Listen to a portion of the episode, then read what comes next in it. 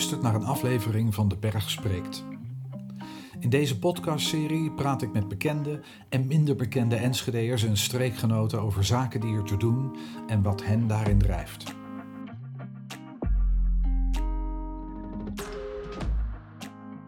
In de komende twee afleveringen gaat het over de toeslagenaffaire, of zoals Pieter Omtzigt de treffende verwoordde, het toeslagenschandaal.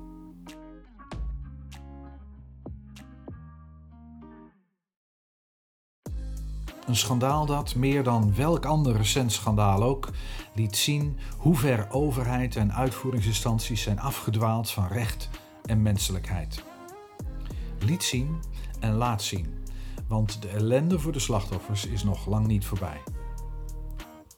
Onlangs woonde ik een avond voor lotgenoten bij en daar ben ik onthutst vandaan gekomen. Want nog altijd lijkt de Belastingdienst geen enkele haast te maken met de afwikkeling van de schade die de gedupeerde is berokkend. Sterker, het heeft er alle schijn van dat niet het belang van slachtoffers het zwaarste weegt, maar het beperken van nog meer imagoschade voor de Belastingdienst.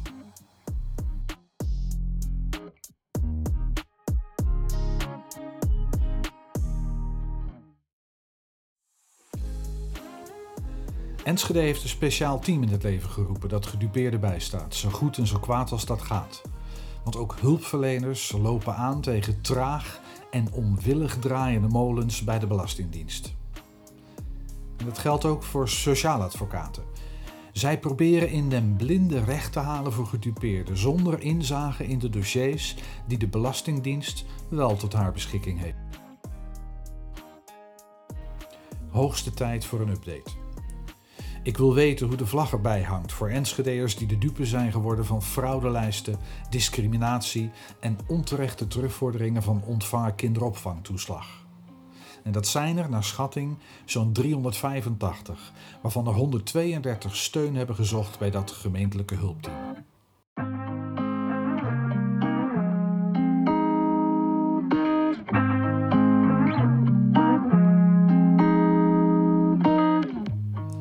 Praat met Esther, die de pijn van de verwarring, de wanhoop en de verloren jaren nog altijd voelt. Met Narda Teken Boskoert, sociaal advocaat, maar ook gedupeerde en gemeenteraadslid. En met Rob Woltering van het gemeentelijke hulpteam. Dit is de eerste aflevering van een tweedelige podcast die we van dit gesprek hebben gemaakt. We blikken terug en praten over de impact die de toeslagenaffaire heeft gehad en nog altijd heeft.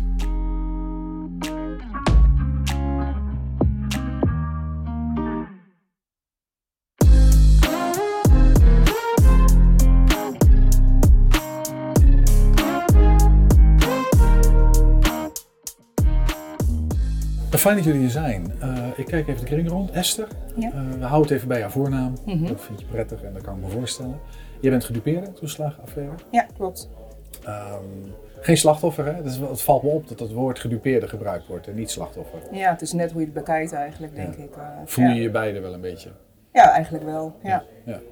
En Narda Teken Boskort, een beetje met drie petten. Want jij bent en gedupeerde. Eh, dat ligt achter je, desalniettemin is dat natuurlijk wel waar. Eh, Hm. Jij bent sociaal advocaat en behandelt inmiddels zo'n 80 eh, gevallen van nou ja, mensen die geraakt zijn door die toeslagenaffaire. eh, door heel Nederland. Hoeveel Enschede'ers zitten daartussen ongeveer? Ehm, ongeveer 60 dossiers van uh, Enschede. Ja. Ja. En ik begreep, en dan kijk ik meteen even naar eh, mijn rechterbuurman. Ja, het is natuurlijk een audiobestand, dus dat maakt allemaal niet uit. Maar ehm, 300, ik zit even kijken naar de precieze aantallen. 385 mogelijk gedupeerden in Enschede. Ja, klopt. Eh, Rob Woltering, jij bent een van de mensen van een, nou, een soort crisisteam of een team in Enschede dat deze mensen ondersteunt. ja, dat klopt. Ja, Hoe, ja. hoe heet dat team precies?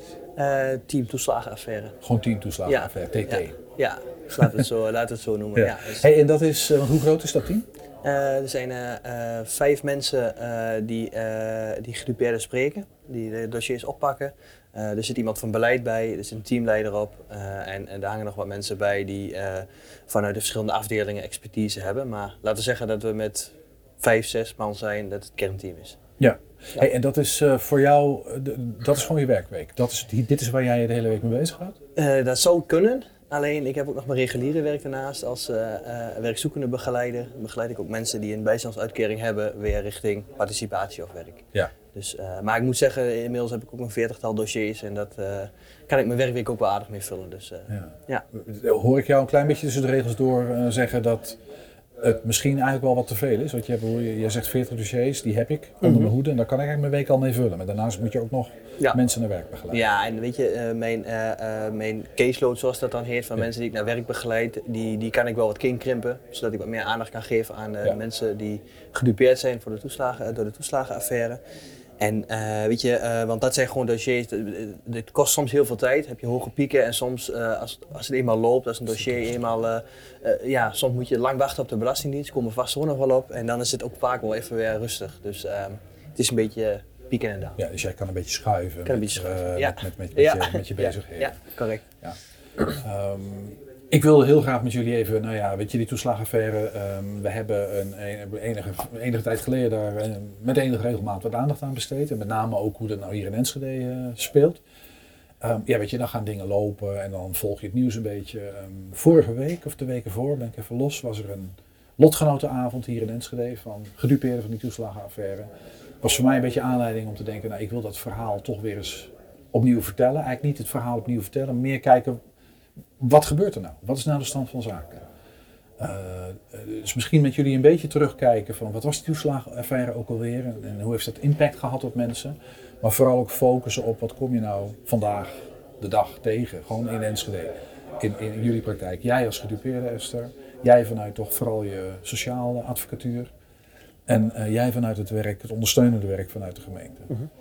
Eh, maar misschien even terug naar, nou zeg 2017, 18, 2019. Dit is dus een beetje schoksgewijze wakker worden van de Nederlandse samenleving. Er is wat aan de hand met die toeslagen. Ehm, wanneer, misschien even beginnen bij jou Esther. Wanneer, wanneer begon voor jou, het, nou ja, ik zeg toch maar even, het drama? Wanneer, wanneer ontwikkelde zich dat bij jou? Ongeveer in 2012, eind 2012 begon het zeg maar bij mij. eh, En hoe begon dat?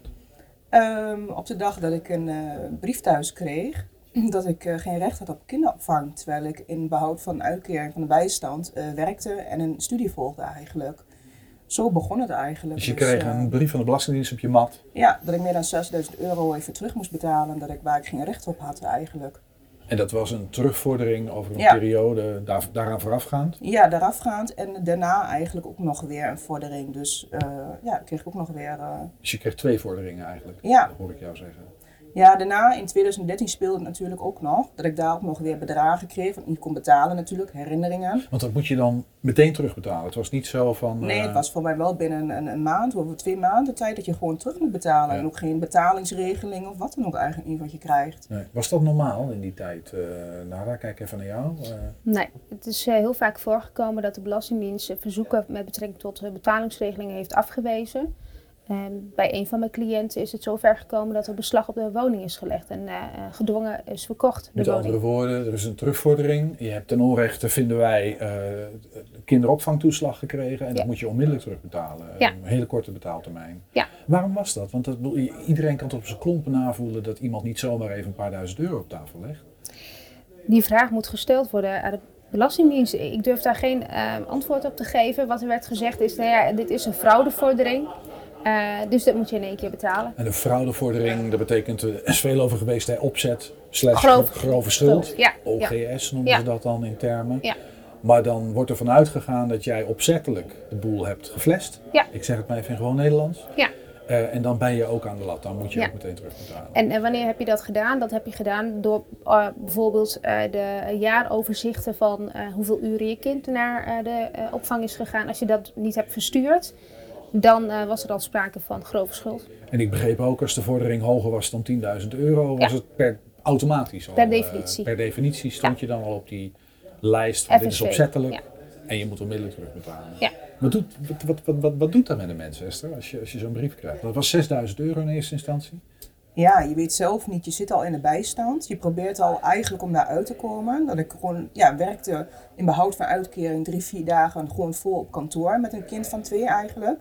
En nog een opleiding volgde ik van een rijinstructeur. Dus ik nog twee, drie dagen soms in de week naar Arnhem ging ik nog heen. Dus ja, ben je best wel druk. Je doet al je best. Nou, en dan krijg je op een dag te horen dat je gewoon inderdaad geen recht op hebt en dat je, waar je daarmee bezig bent. En dan denk je, je weet eigenlijk niet eens hoe dit kan en hoe dit mogelijk is. Nou, dat is En- don- donderslag bij helder heen. Je had geen idee waar dit vandaan kwam. Nee, en, dat, en dan val je van het een in het ander natuurlijk. Wat, wat, eh. wat heb je gedaan? Je hebt die, die brief viel op je mat en wat, wat doe je dan? Ehm, nou, heel eerlijk, ik ben van die tijd ook best wel een deel kwijt eigenlijk. Dat ik zelf achteraf denk van, hé, hey, ik ben best wel veel ehm, in een soort paniekfase raak je. Of in een soort vluchtgedrag, zeg maar. Wat is dit eigenlijk? Ik heb mijn leven lang heb ik gewerkt, dus ik had één keer hulp nodig dat ik in de bijstand kwam. En dan word je zo behandeld eigenlijk meteen als een crimineel eigenlijk, als je het zo bekijkt. Of als inderdaad, ja, zeg maar hoe je het, hoe je het beste kan beschrijven. En ehm, ik heb zelf op een gegeven moment ben ik dus in een soort vluchtgedrag gekomen dat ik eh, op een gegeven moment mijn post niet meer open durfde te maken, want ik kon mijn huur niet meer betalen. Ik kon eh, gas, water, licht niet meer betalen, mensen niet meer betalen. Eh, mijn huurtoeslag werd ingehouden. Terwijl je al een bijstand maar hebt, had ik maar van 700 euro. Ja, hoe, mijn huur was al 700 euro. Hoe moet je dan nog dingen gaan betalen? En op een gegeven moment durfde ik mijn post niet eens meer open te maken. Dat ik, dat ik dacht van, ja, hoe moet ik dit doen? Dat ik een soort, ja, eh, wazig iets heb geleefd eigenlijk. Ja, schaamte. Ook erbij. Schaamte omdat je je toch schuldig voelt dan of zo. Ja. Ik zal wel iets verkeerd gedaan hebben. Ook dat. Ja, zo voel je je eigenlijk ook. En dat je altijd hebt gewerkt. En dan zit je in een positie waar je niet om hebt gevraagd. Nee, maar ook schaamte naar je familie om je heen. Ja. Dus je, je klopte ook niet bij mensen aan. Nee, durfde ik niet. Terwijl ik Nee. wel kon. Ja. Maar ik dacht, ja, dat kan toch niet waar zijn? Dit gebeurt niet. En totdat ook een dag dat ik... het was een, de verjaardag van mijn broer. En ik kom s'avonds terug met mijn dochter. Sorry. Nee. Het is nog vers, hè, Esther? Het is helemaal nog niet, eh, het is nog niet voorbij. Het is nog geen geschiedenis bij jou. Nee, helaas niet. Nee. Dan komen ze wel even bij je terug, hè, eh, als, je, als je het goed vindt. Ja. Dan kan je even lekker, lekker bij komen. Ja, een zakpapier erbij. Eh, Maar daar, dit komt jou bekend voor, dat kan niet anders. Ja, Ehm, uit je praktijk, maar ook persoonlijk. zeker. Ik ga, ik ga, ik, we hebben dat nog nooit gedaan, maar ik ga het je toch vragen. Jij kreeg ook zo'n brief op de mat. En ik moest niet 6000, maar 18.000 euro in in beginsel terugbetalen. Ja. En ik eh, dacht altijd dat ik rond de 30.000 heb terugbetaald, maar ik heb twee weken geleden de integrale beoordeling gehad. Toen bleek dus eh, dat ik 18.000 euro plus 25.000 euro heb terugbetaald. Dat is een enorme bak geld. Maar de oorspronkelijke vordering was 18.000. Hoor ik Dat was, dat was eh, voor het jaar 2012, maar voor het jaar 2013 heb ik 25.000 euro terugbetaald. Ja. En wanneer viel die brief bij jou in de bus? Wanneer was, welk jaar was dat? Begin 2013 eh, werd gevraagd om eh, allerlei documenten. Die heb ik ook allemaal netjes toegestuurd. Eh, alleen ik had een Turks georiënteerd opvangbureau, BBIM. En die eh, eh, stond op een bepaalde lijst. Ja. En En dat is, dat, is, dat is een bekend fenomeen in die hele toeslagenaffaire. Dat het regelmatig ging om of ouders met een dubbele nationaliteit, een buitenlandse achternaam. Of om gastouderbureaus waar die kinderen opgevangen werden Ja. van een buitenlandse origine. Ja, en eh, er zijn eh, een aantal namen eh, van gastouderbureaus bekend. Die staan ook op het beoordelingslijst van de integrale beoordeling. Dus als je bij die gastouderbureau bent geweest, dan ben je al gedupeerd. Stond je al op een, op een, Ja. op een lijst? Ja. Eh, even terug naar jou, Esther. Wat, Mhm. ha- Had jij een, een, een eh, want jij hebt geen eh, buitenlandse achternaam of zo, dat was allemaal niet aan de orde. Had jij een opvangbureau dat van buitenlandse origine is? Herken je dat verhaal? Nee, ook niet. Mijn moeder is wel gastouder geweest, ook thuis nog. Dat Ja. is ze wel geweest via eh, een bedrijf nog. Maar die stond daar niet voor. Ja. eh, Ook alleenstaande moeders werden eh, vaak eh, als fraudeurs, zeg maar. Met- alleen het feit dat je alleenstaande moeder was. Ja. Dat brengt me, dat kan een beetje van de hak op de tak gaan, maar het brengt me bij een verhaal dat ik vorige week hoorde. Stond toevallig iemand hier uit de stad, werd alleenstaande moeder en kreeg een week of drie, vier geleden een brief van de Belastingdienst waarin stond dat zij op een fraudelijst was. FSV, ja. FSV. Ja. Ehm, de Belastingdienst gaf als enige eh, aanwijzing daarvoor eh, van ja, de, de, een gemeente in Nederland ehm, heeft bij ons inkomensgegevens opgevraagd. Dat was de aanleiding om haar op een fraudelijst te zetten. Ja. Bizar verhaal. En ik dacht, gewoon Nederlandse vrouw eh, die inderdaad alleenstaand werd. ehm, een uitkering aanvroeg bij de gemeente. Dus dan heeft de gemeente inkomensgegevens opgevraagd. En de Belastingdienst heeft een vinkje gezet op die. En ze kwam op een fraudelijst terecht. Herkenbaar. Ik heb ook op dat fraudelijst gestaan en daar kwam ik vorig jaar eh, in mei achter. Maar de, het is dus niet, want de, overheid heeft toegegeven, hè, er is hier sprake geweest van institutioneel racisme. Ja, Eh, discriminatie noemen we dat in gewoon Nederlands. Ja, dat Ja. noemen we gewoon discriminatie. Ja. Eh, ehm, maar dat is niet per se altijd het geval in de zin Nee. van, nou ja, in jouw geval Esther ging het niet om een buitenlands gastouderbureau of en je had ook verder geen buitenlandse achternaam of Nee. iets in die sfeer. Nee. Maar je was wel alleenstaande moeder. Ja, klopt. Ja.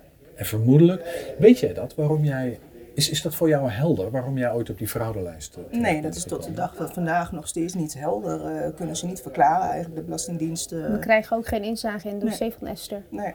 Kunnen ze dat niet verklaren of willen ze dat niet verklaren? Ik Kijk even naar jou. Ik denk dat de tweede optie is, ze willen dat niet verklaren. En waarom niet? Ehm, ik denk dat ze iets te verbergen hebben. Ik denk dat ze algoritmes hebben eh, ontwikkeld eh, voor eh, nou ja, risicogroepen. Alleenstaande moeders zijn risicogroepen, Ja. maar ook gezinnen met eh, veel kinderen zijn risico. eh, Waarom zijn alleenstaande moeders risicogroep als het om fraude gaat? Ik kan me voorstellen dat je dan een risico bent dat, het, dat je het misschien gewoon niet bolwerkt financieel. Ik denk dat het, eh, het feit dat Esther bijvoorbeeld een bijstandsuitkering heeft, maar toch een beroep doet op kinderopvangtoeslag, dat dat misschien een reden zou kunnen Dat je zegt dat kan eigenlijk niet. Je bent Nee, bijstandsmoeder, dus je zit alleen thuis met Ja. kinderen. Dus heb je geen oppas nodig. Nee. Ik denk, maar nu vul, vul ik het zelf in. Dat is een beetje speculatief wat we Ja, doen. Ja, ik denk dat dat, eh, als ik een logische verklaring zou moeten geven, dan denk ik dat dat een van de redenen zou kunnen zijn. Maar ook dan denk ik dat zijn ze te kort door de bocht gegaan. Want dan hadden ze Esther moeten benaderen en zeggen van mevrouw, ehm, nou ja, wij constateren dit, kunt u verklaren? Is, is daar, een, is daar een, een, een, reden voor? Om, want dat kan je voorstellen. Hè? Van je signaleert iets en je denkt van nou, misschien moeten we dit eens even navragen. Dat kan hè. In een normale, Zeker. als je normaal met elkaar omgaat, zeg je van nee, ik, er valt mij iets op. Laten we eens met elkaar in gesprek gaan. Wat is er precies aan de hand? Dat is nooit gebeurd. Hè? Mensen zijn op een lijst gezet. Ja. En die kregen een brief thuis, zoals dat bij jou gebeurde, Mhm. Esther, maar ook bij jou naar daar. Met ineens een terugvordering. Het, het was al een fait accompli. Het was al klaar. Het was al bewezen. Ja, ze, wat er werd gezegd, tenminste in mijn dossier werd gezegd van wij hebben informatie opgevraagd en die hebben we nooit gekregen. Ehm, Maar die brief is er nooit. eh, Die brief heb ik nooit gehad. En Nee. ik, ik denk eh, dat bij jou ook het soortgelijke verhaal is. Ja. Eh, van we hebben informatie opgevraagd en je hebt het niet ingeleverd. Dus dan, eh, we kunnen niks controleren, we trekken alles in. Maar je wordt, al, eh, je wordt dan al ehm, beschuldigd voordat er een rechtszaak heeft plaatsgevonden. Je wordt al schuldig verklaard aan twee dingen eigenlijk, hoor ik jullie zeggen. Eén is een terugvordering. Je hebt onterecht toeslag ontvangen. Nooit, voor zover jij weet, nooit nagevraagd, nooit onderzoek geweest. Geen idee. Word je mee geconfronteerd. En het tweede is, je bent een fraudeur. Je hebt het opzettelijk gedaan. Ja. Ja. Dat is bizar. Ja, is het ook. Ja. En eh, ik denk ook dat het, ehm, als we het hebben over eh, algemene beginselen van behoorlijk bestuur, dit, dit is gewoon alles behalve dat. Helder. Even terug naar jou Esther, want eh, zwart gat, periode paniek. Mhm.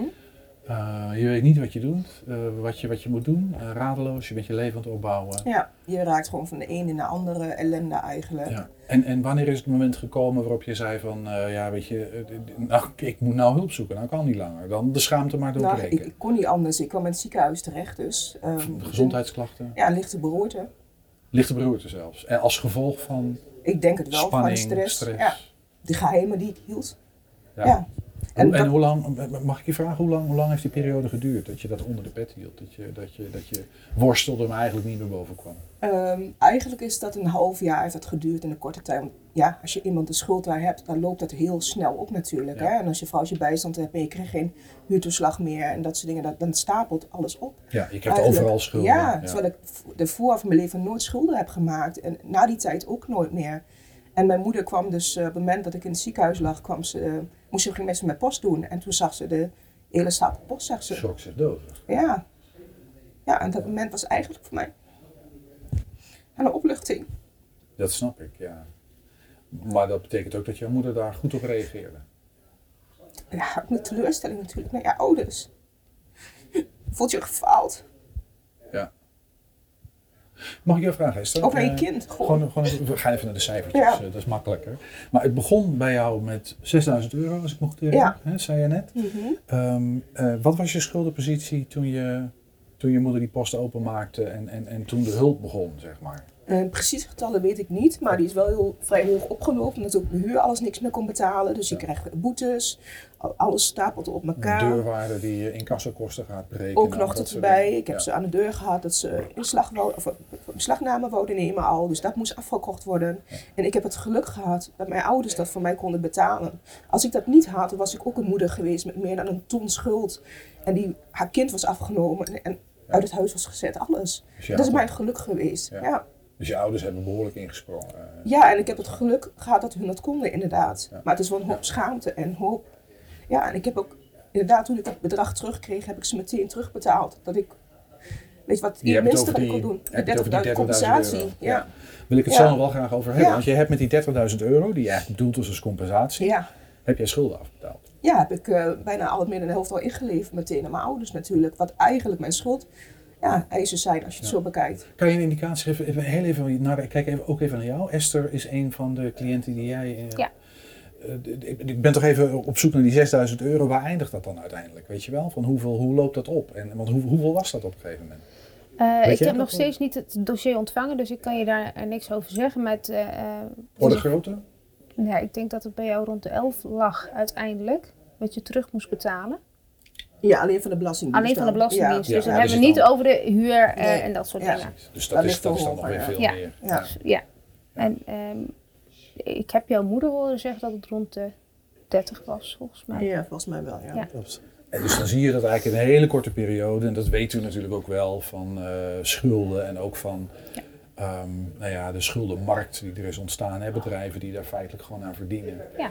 Mhm. Eh, is dat dat in een hele korte tijd gigantisch op kan lopen. Dat kom jij ook tegen, Rob. Ik, ik, ik zit nu steeds met de dames te praten, prima, maar dat moet jij ook voortdurend tegenkomen in jouw praktijk. Ja, daar kom je, daar kom je steeds tegen. En ehm, ehm, dat is ook vaak het probleem. Helemaal voor mensen die nog in een beoordeling zitten, is dat nu nog een probleem. Kijk, en waarom is dat voor- juist voor die mensen een probleem? mensen, eh, mensen die, die eh, eh, erkend zijn, daarvoor zijn op dit moment dan Erkend als, als, als slachtoffer. ja. Daarvoor worden publieke schulden worden kwijtgescholden, maar ook de private schulden kunnen inmiddels worden ingediend en zullen kwijtgescholden worden. Van Heel even voor, de, voor, voor het begrip, hè. publieke Ja. schulden heb je het over schulden bij overheden, en bij de Correct. gemeente, bij de Belastingdienst in dit Ja. geval en andere ehm, overheden. Ja. En private schulden, dan gaat het over je huur, of je, ja, je huur, of je energie. Mensen, of, eh, energie hoor je vaak, dat zijn vaak Ja. de, de grote posten, zeg maar. En als je erkend bent als gedupeerde, dan kan er op beide schuldensoorten zijn er oplossingen mogelijk. Ja, publieke schulden die worden eigenlijk automatisch kwijtgescholden. Eh, private schulden die dienen we samen met de mensen, dienen we die in bij de SPN, zoals, zoals het dan heet. Dus de officiële schuldsanering eigenlijk. Ja, precies. En, eh, en die worden dan beoordeeld en wel of niet kwijtgescholden. En over het algemeen wel en soms niet, maar dan gaan we uiteraard in beroep en aan Ja. beroep. eh, Want dat is ook een verhaal, hè? is dat de mensen die hier slachtoffer van zijn, eh, aanvankelijk helemaal niet bij die schuldsanering aan konden kloppen. Want dat waren fraudeurs. Klopt. Dus die werden geweerd uit de schuldsanering. Je moet zelf, zelf veroorzaakt, zelf oplossen. Dat is ongeveer dan Ja. de lijn. Hè? Ja, en dan kom je van de regen in de drup. Ja. Hey, en, en als ik jou nou vraag naar van, eh, want mensen krijgen dan zo'n brief zoals Esther vertelt, Mhm, en eigenlijk, eh, van de Belastingdienst, eh, met 7000, 10.000, weet ik hoeveel schuld. Ehm, hoe, hoe snel loopt dat? Ja, dat is natuurlijk heel lastig om het in het algemeen te beoordelen, maar hoe, hoe snel loopt dat dan op? En, Ja, dat is echt, het is echt per, per geval bij mij, zeg maar, per, per gedupeerde is dat heel verschillend. Eh sommigen wat die voor hebben... bedragen kom jij tegen? Noem, noem eens een paar voorbeelden. Nou, ik kom, ik kom bedragen. Ik heb, ik heb nu wel een paar mensen die dit lopen richting 150, 160.000 euro. en dat eh, begon bij? Ja, bij 15, 20.000 euro, zeg maar. En eh, ja, die, die zijn echt van de regen in de drup gegaan. En dat is heel hard allemaal, allemaal opgelopen. Eh, executie, verkopen van huizen en dat soort dingen, waardoor ze een grote restschuld houden. Eh, heb ook- executieverkoop betekent dat je huis noodgedwongen verkocht gaat worden. En Ja. dan komt er iemand en dan wordt het afgehamerd. En eh, nee, de hoogste bieder kan het kopen. Maar is altijd ver onder de marktwaarde. En vaak ook ver onder de prijs dat je het gekocht hebt. Ja, want dat was ook nog in de tijd van een, een beetje van een huizencrisis, zeg maar. Dus niet in deze tijd dat, dat de huizen veel, veel waard zijn, duur zijn, maar echt in de tijd dat een huis ja, weinig waard was, een Dus je huizencrisis. raakt dus aan de straatstenen die kwijt. Dus die kon je voor een appel en een ei kopen. ja, exact. En, eh, nou ja, dan ga je met een ton schuld, verkoop je je huis. En ja, daar, daar, daar kom je eigenlijk nooit meer uit. Nee. Ja, uit zo'n situatie. Totaal onoverzichtelijk. Het is een, een uitzichtsloze situatie waar Ja. mensen dan in Ja, terechtkomen. ja ik, ik heb heel veel mensen die komen echt, en met name de mensen die dan niet erkend zijn, die komen van ja, ja ik weet het ook niet meer, totale wanhoop zeg maar, eh, eh, en, en woede, nou ja, eh, angst, eh, eh, ook schaamte, eh, van, hey, maar ook richting schaamte, richting ik heb mijn kinderen niet kunnen geven wat ik ze wilde geven. En in die tijd komt natuurlijk niet meer terug voor mensen. Dus dat, dat, die, die verhalen, eh, Verloren jaren. verloren jaren, ja. En- Ervaar jij dat ook zo? Want ik weet dat jij kinderen hebt. eh, Ja. Verloren jaren. Ik had eh, veel meer bij mijn kinderen willen zijn, ja. Ja. Want jij hebt gewerkt, gestudeerd. Soms wel drie banen tegelijk gehad naast mijn studie. Ja. En dat kwam op de twintigste En omdat je schulden moest afbetalen. Ja, twintigste kwa- eh, kwam mijn salaris, maar ging lineair direct eh, richting belasting. En waar leefde je van dan? ouders die boodschappen Het deden. verhaal wat Esther ook eh, vertelt Ja, eigenlijk. mijn ouders die eh, hadden niet heel veel contant geld, maar die gingen wel eh, eh, boodschappen voor me doen of als ze koken. Nou ja, Maar het betekent, eh, ja, je kunt niet even naar de Efteling of een vakantie of eh, een ijsje Nee. kopen is al een probleem waarschijnlijk. Ja. Ja. Ja, letterlijk? Ja, zeker, ja. ja. Ja. Ja. Gewoon een basisbehoefte, hè? brood, melk, eieren voor je kinderen. Eh, dat, ik, heb echt dagen gehad dat ik dat echt niet kon betalen. Dat is pure survival. Ja, of dan gaan eten bij je ouders en dat soort dingen, ja. Ja, en dan eh, doet je moeder toch even iets in je tas. Ja. Van, ik heb extra, en Ja. dan zeggen ze ook nog, ik heb extra melk gekocht hier. Dan zegt ze niet van voor dat, jou. Ja. Ja. Hey, en jullie zijn allebei moeders. Ik, ik, ik kom zo weer bij jou op, maar jullie allebei moeders. Ehm, heb je het daar dan over met je kinderen? Hoe, hoe, hoe, of, of misschien nu, eh, nu het een beetje... Ik niet persoonlijk. Dat, eh, nee, ik wil het liefst dat ze dat dan niet van niks van meekrijgen eigenlijk. Nee. Ja. Lukt je dat? Ze zal het wel zien denk ik aan mij, maar nee, doe het Want jouw dochter is nu hoe oud? Het is nu 13, dus dat Ja. betreft, ehm, ik heb heel veel geluk gehad met mijn ouders, wat ik zei, dat Ja. ze daar wel dingetjes mee kon gaan doen. Of Ja. een keer met hun mee ging in de camper op vakantie, zeg maar. Dat ik gewoon thuis bleef werken en dat soort dingen. Dus ik heb dat zij het minste van last had. Ik heb geluk dat ik maar één kind had natuurlijk, op die manier. Maar ehm, ze zal er zeker wel meer mee hebben gekregen Ja. ervan. Hoe ik was, natuurlijk. Het, het is ook niet zo dat ze er zelf vragen over stelt of over begint. Nou, een tijdje geleden wel, van goh, hoe zit dat nou, weet je wel. En, en ja, Want zij weet natuurlijk dat jij gedupeerder bent, denk ik inmiddels zo. Zo, ze is wijs genoeg. Ja, ze zat ook. eh, eh, eh, ze kent zelf ook, Pieter Omzicht kent zij ook. Die heeft mij ook geholpen daarmee in het begin. Mhm. En die, eh, dus ze vroegen van, goh, zit dat nou? Waarom spreek je met hem? En dat soort dingen. Dus toen kwam het wel een beetje aan het licht van, goh, nou zo zit het. En uh, oké, een beetje gewoon op een kinderlijke manier, zeg maar, over gehad. Ja. Maar dat is een paar jaar geleden inmiddels, begrijp ik. Nee, eigenlijk ehm, twee jaar terug, nou, zoiets Ja. een jaar terug. Ja, dat ik het daar daarover had. Ja. Ja. Want eigenlijk is het, was ze daarvoor gewoon veel te jong voor. Omdat Ja. weet, hoeveel, dat moet een kind ook niet meemaken. Maar ik besef mij nou wel, na ik al die verhalen heb gehoord, hoe het nog erger had kunnen aflopen voor de andere ouders. Dat betreft zie ik mijzelf nog als de gelukkige, als ik het zo bekijk. Dat gewoon kinderen Hoe zijn bizar dat ook klinkt, Ja, hoe ja. walgelijk dat gewoon is. Ja. Dat het kan hier in Nederland. Dat je kind wordt gewoon afgenomen door, door welke mensen. Had jou kunnen overkomen. Ja, zeker. Als ik mijn ouders niet had gehad, was eh, mijn kind gewoon afgenomen, 100%. Waarom? Omdat ik daar niet meer voor haar kon zorgen. Geen geld had niks. niet, Nee. Precies. Als je niet voor je kind kan zorgen en je, krijgt, je huis wordt afgenomen, wat gebeurt er nou? Wordt gewoon je kind eh, van je afgehouden? Ja, zeker op zo'n leeftijd. Is, is, is, is dat dat simpele scenario van, nou ja, want dat is natuurlijk regelmatig. Ik weet in Enschede kennen we vier gevallen. Kijk jou even aan Rob, dat klopt hè? Ja. Ja. Van eh, gezinnen waar kinderen of een kind het huis zijn is geplaatst. Ja. Ehm, en is dat om deze platte reden, is dat, dat mensen gewoon niet meer de middelen hebben financieel om goed voor hun kind te zorgen, dat dat de reden is vanuit huisplaatsing? Nou, ehm, deze ouders die worden eh, min of meer gedwongen om vrijwillig het kind af te staan. Want als je op- Gedwongen vrijwillig. ja, weet je, het klinkt een beetje raar, maar als je op straat staat hè, Mhm. En eh, wat moet je dan? Wat moet je dan? Ja. En dan eh, heb je keuze. Je kind kan dan, eh, die kan je dan afstaan. Die kan, die kan dan via jeugdzorg bij een pleeggezin terecht. En dan sta jij buiten. En dat, ik kan me voorstellen, en ik, dat is ook gebeurd, dat ouders zeggen, weet je, liever mijn kind een dak boven hun hoofd. Ik, ik, ik moet eerst een, een huis zien te vinden. En dan, dan zorg ik dat mijn kind weer terugkomt. Alleen eenmaal bij, de, eh, bij jeugdzorg krijg je kind niet zomaar weer Je terug. bent de controle compleet kwijt. Je bent overgeleverd aan eh, Ja, en- de beoordeling van anderen. Ja, een cliënt van mij heeft, eh, daarvan is het kind, twee kinderen uit huis geplaatst. Frappante daarvan is dat zij nog steeds gezag heeft over haar kinderen, maar niks te zeggen heeft.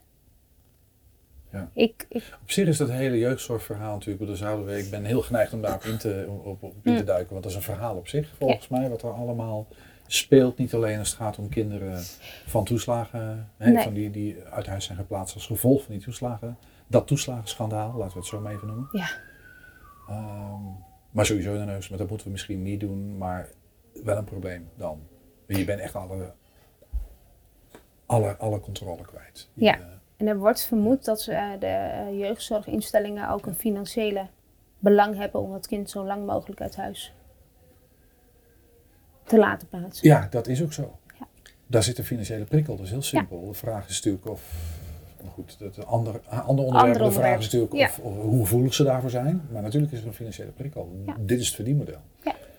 Waarbij ook En wel gezegd moet worden. Oh, sorry. Nou, Nee. Ga je gang. Rob. Waarbij ook wel gezegd moet worden dat er zijn vier gevallen bekend in Enschede, maar de verwachting is, als je kijkt naar de aantallen gedupeerde in Enschede, dat er veel meer mensen zijn waarbij de kinderen uit huis geplaatst zijn, maar die niet altijd bij ons in beeld zijn. Nee, dat snap ik. Eh, dat heeft ook met de privacy te maken. ja. ja. we kunnen niet aan iedereen eh, vragen van, hey, zijn je kinderen uit huis Nee. geplaatst? Dat heeft met privacygevoelige informatie te Ja, maken. nee, mensen Dus- moeten daar zelf eh, mee komen. Ja, exact, Ja. exact. Dus dat, is, eh, dat maakt het wel lastig, maar het probleem is waarschijnlijk wel groot ook in Enschede. Geldt in het algemeen, hè? Want ik- Ja. even de cijfers, die hebben jullie vorige week gepresenteerd. 132 ehm, bekende gevallen die hulp, die hulp hebben nu, Ja. via jullie Ja. gemeentelijk eh, bureau.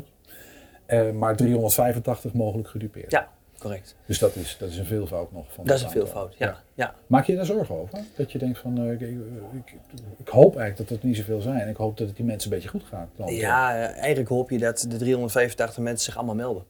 Ja. Eh, dat is van het feit dat we dan wel een probleem hebben qua bezetting, eh, maar hoop je dat ze zich allemaal melden. Ja. En dat ze allemaal zeggen van, hé, hey, ik aanvaard de hulp die er is. Ja. Eh, en ik kan me ook heel goed voorstellen namelijk, dat je dat niet doet. Dat je zegt, ja, overheid en overheid, eh, de groeten. Dat ga Ja. ik niet doen. Nou, de- ik wil het er zo meteen even met je over Ja. hebben. Dat lijkt me een hele ingewikkelde positie. Ik wil nog even terug naar, eh, naar de vraag kinderen, uh, Narda. Niet de huisgeplaatste kinderen, maar gewoon, jij hebt ook kinderen. Ja. Heb jij het er met je kinderen over, of over gehad? Of hebben zij vragen? Hoe, hoe, hoe- wat doet dat met kinderen, joh? Eh, mijn oudste is natuurlijk 16, hè, dus die snapt het zelf ook wel. Die, eh, ehm, die weet wat er is gebeurd. Ehm, de jongste twee wil ik nog niet mee belasten, maar zij horen het her en der ook nog. Dus ik denk dat, dat mijn dochter het wel weet, maar doet alsof ze het niet weet. En eh, de, eh, de eh, middelste die, die snapt het allemaal niet. Ehm, mijn oudste die heeft het wel meegekregen, ook in zijn jongere jaren. Want als zij een winterjas nodig had, ja, ik had geen geld. Dus hij zei dan ook letterlijk, mama maak je maar geen zorgen. Ik ga wel een weekend bij mijn oom en tante logeren. Dan zorg ik dat zij ging nieuwe... voor jou zorgen. Dan, ja, dan zorg ik dat mijn eh, oom en tante voor mij een nieuwe jas gaan kopen. Dus zij ging voor jou de oplossing verzinnen. Hij- waar je dat ja, terwijl je- hij, sorry. Ja, en, en je voelt je dan als moeder ehm, niet competent of zo. Je, je, gewoon een jas voor je kind kopen kan al niet.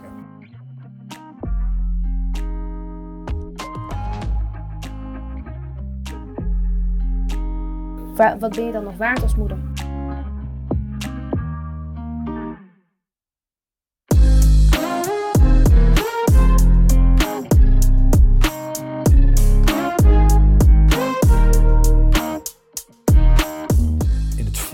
Laatste deel praten we verder met Esther, Narda en Rob. En dan ligt de nadruk op waar zij op dit moment mee te maken hebben.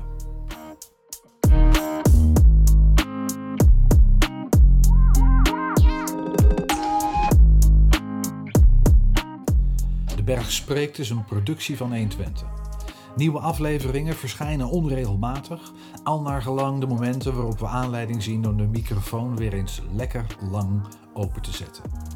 Hou onze website in de gaten voor volgende delen en voor nieuws uit en over Enschede. 120.nl